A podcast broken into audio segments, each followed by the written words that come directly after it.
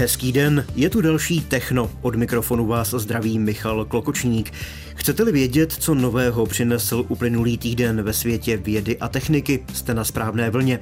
Vybrané zajímavosti o vesmírných projektech, lékařských výzkumech nebo archeologických objevech jsou obvykle součástí scénáře našeho magazínu a tady je aktuální nabídka. Techno. Japonský modul Slim přistál na měsíci jen 55 metrů od cíle. Vědci přenesli embryo a přiblížili se záchraně nosorožce Bílého severního.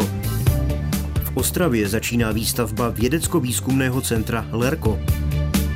Vesmírný družicový systém Galileo nabídne službu nouzového varování. Čeští vědci využívají zbytky bylin k výrobě biokosmetiky. Srbští archeologové odkryli vítězný oblouk z dob římské říše. Tyto i další zajímavosti v magazínu Techno.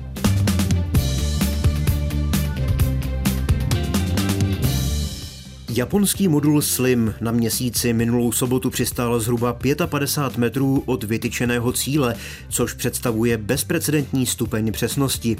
Uvedla to japonská vesmírná agentura JAXA, která zveřejnila i první snímky z přistání. Po dosednutí na měsíční povrch se ale modul zřejmě převrátil. Cíl přistát s modulem v okruhu do 100 metrů od vytyčeného místa se podařilo s rezervou naplnit. Obecně lunární mise přistávají na měsíci s přesností několika kilometrů. Japonsko se stalo pátou zemí, které se podařilo dopravit své zařízení na přirozenou oběžnici Země. Jeden z hlavních motorů modulu, asi 50 metrů nad měsíčním povrchem selhal, takže přistání bylo tvrdší, než se plánovalo. Snímky modulu poslala na Zemi dvě autonomní vozítka, která byla z modulu vypuštěna krátce před přistáním.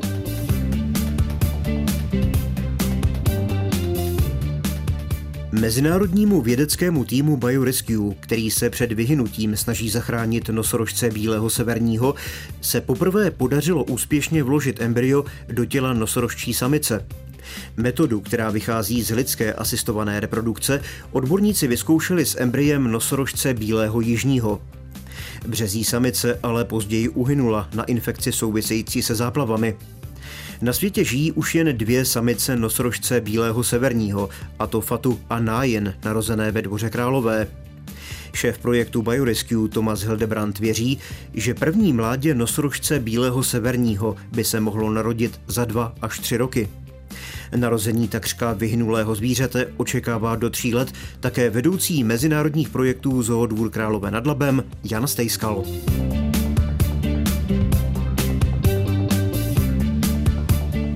Areálu Lékařské fakulty Ostravské univerzity začala výstavba vědecko-výzkumného centra LERCO. Nové prostory budou zázemím pro devět výzkumných týmů zaměřených na biomedicínu, přírodní vědy a behaviorální zdraví. Novinářům to řekli zástupci univerzity, města a kraje.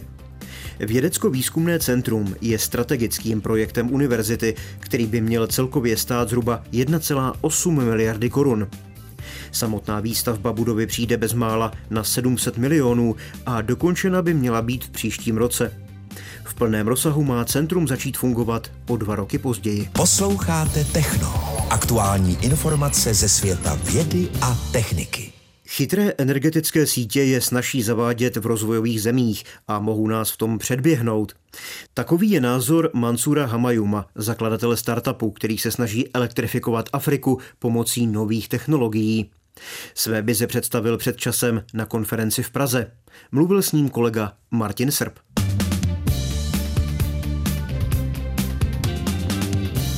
Jak vás napadlo, že byste mohl rozsvítit Afriku, jak sám říkáte?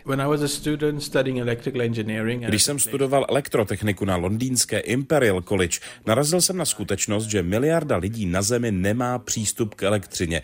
Problém se koncentruje v Africe. Byl to pro mě šok. Jen si představte, jak chcete žít kvalitně bez elektřiny. A také mě šokovalo, bylo to v roce 2008, proč to nikdo předtím neřešil. Je to otázka technologií, politiky, financí. To mě inspirovalo, abych zjistil proč. A našel jste odpověď? Myslím, že ano. Myslím, že jsem měl štěstí. Položil jsem si tu otázku v pravý čas. V době, kdy se objevily nové technologie, které najednou nabídly odpověď. V roce 2008 to byl internet věcí, chytré měřící přístroje a také klesala cena solárních panelů i baterií.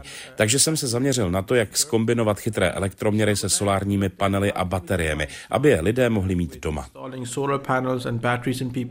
Jak to tedy nakonec funguje? Jak se lidé dostanou k té technologii a k elektřině? Hodně lidí v Africe žije v podmínkách šedé ekonomiky. Denně nakupují naftu nebo kerosín do elektrických generátorů. Nemohou si dovolit palivo na celý měsíc, ale jen ze dne na den. Kolem roku 2008 začaly v Africe fungovat platby přes telefon. Myšlenka tedy byla, lidé budou mít na střeše solární panely, doma baterie a chytrý elektroměr. Jakmile zaplatí přes telefon, systém se zapne. Přitom denní cena elektřiny je nižší, než kolik by utratili za palivo do generátorů. Takhle začala moje firma, která teď působí v 11 zemích napříč Afrikou a zásobuje elektřinou přes 6 milionů lidí. Znamená to, že tu technologii jim propůjčíte a oni zaplatí jenom tolik, co spotřebují? Přesně tak. Problém se solárními panely je stejný všude na světě. Pořizovací cena je vysoká, ale provozní náklady nízké. My jsme to otočili. Panely neprodáváme. Instalujeme je jen za velmi nízký denní poplatek. A jakmile je splatíte, jsou vaše.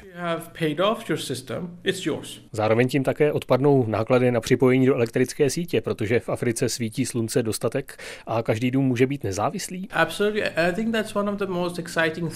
Naprosto. Myslím, že to je jedna z nejzajímavějších věcí v Africe. Afrika má tradici předbíhat ostatní v technologiích a i v energetice tu máme systém budoucnosti. Myslím, že za nějakých 100 let to bude běžné i v Evropě, že si domácnosti budou vyrábět a skladovat vlastní elektřinu a také ji sdílet. Na západě jsme zvyklí, že se v tom angažuje stát, ale my jsme to obešli a je to mnohem efektivnější. Uzavírá Mansur Hamayum, inovátor, který zavádí chytrou energetiku do afrických zemí. Vědecko-technické novinky na vlnách Českého rozhlasu Hradec Králové. Evropská komise ve spolupráci s agenturou Evropské unie pro kosmický program vyvíjí a testuje novou družicovou službu nouzového varování. Měla by fungovat přes družicový systém Galileo a umět do 60 sekund upozornit obyvatele na hrozící přírodní katastrofy nebo katastrofy způsobené člověkem. Služba by měla být zprovozněna v roce 2025. Připravovaná služba družicového systému Galileo bude vysílat výstražné zprávy do chytrých telefonů nebo kompatibilních navigačních zařízení obyvatel ohrožených různými typy katastrof. Služba bude poskytovat podrobnosti o nebezpečí, jeho závažnosti, době vzniku, očekávané době trvání a další pokyny na základě polohy uživatele. Obsah zpráv bude vznikat ve spolupráci s vnitrostátními orgány zasažených území.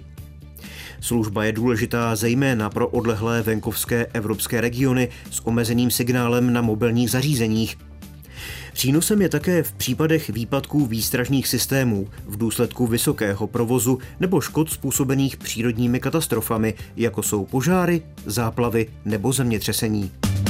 Techno. Neznámé novinky na známých frekvencích. Čeští odborníci zkouší využít odpadní bylinou biomasu, která vzniká při výrobě esenciálních olejů pro výrobu hydrolátů pro biokosmetiku. Jejich cílem je zefektivnit výrobní proces a zlepšit jeho ekonomickou stránku prostřednictvím tvorby dalšího produktu. Výsledky výzkumu očekávají do roku 2025. Uvedlo to Národní centrum kompetence, které za projektem stojí. Hydroláty mají podle odborníků široké využití v kosmetickém i zdravotnickém průmyslu a ty, které jsou získané při zpracování některých květin nebo léčivých bylin, mají řadu protizánětlivých, antimikrobiálních nebo antioxidačních účinků. Hlavním řešitelem projektu je Ústav chemických procesů Akademie věd a vědci při výzkumu využívají genofondovou sbírku tradičních i méně známých léčivých rostlin, kterou provozuje Botanický ústav. Biokosmetika je poslední dobou oblíbená a celosvětový trh s kosmetickými výrobky stále roste. Techno. Magazín o vědě a technice. Srbským archeologům se navzdory třeskutým mrazům a silnému větru podařilo odkrýt římský vítězný oblouk ze třetího století našeho letopočtu. Jde o jednu z mála památek tohoto druhu na Balkáně. Pozůstatky oblouku byly objeveny v prosinci na místě zaniklého římského města Vimináčium nedaleko dnešního města Kostolac, asi 70 kilometrů východně od Bělehradu. Podle hlavního archeologa Miomira Korače se objev podařil při vykopávkách na hlavní ulici, které bylo hlavním městem římské provincie. Viminačium bylo rozlehlé římské město s 45 tisíci obyvateli s hypodromem, opevněním, fórem, palácem, chrámy, amfiteátrem, akvadukty, lázněmi a dílnami. Existovalo mezi prvním a šestým stoletím.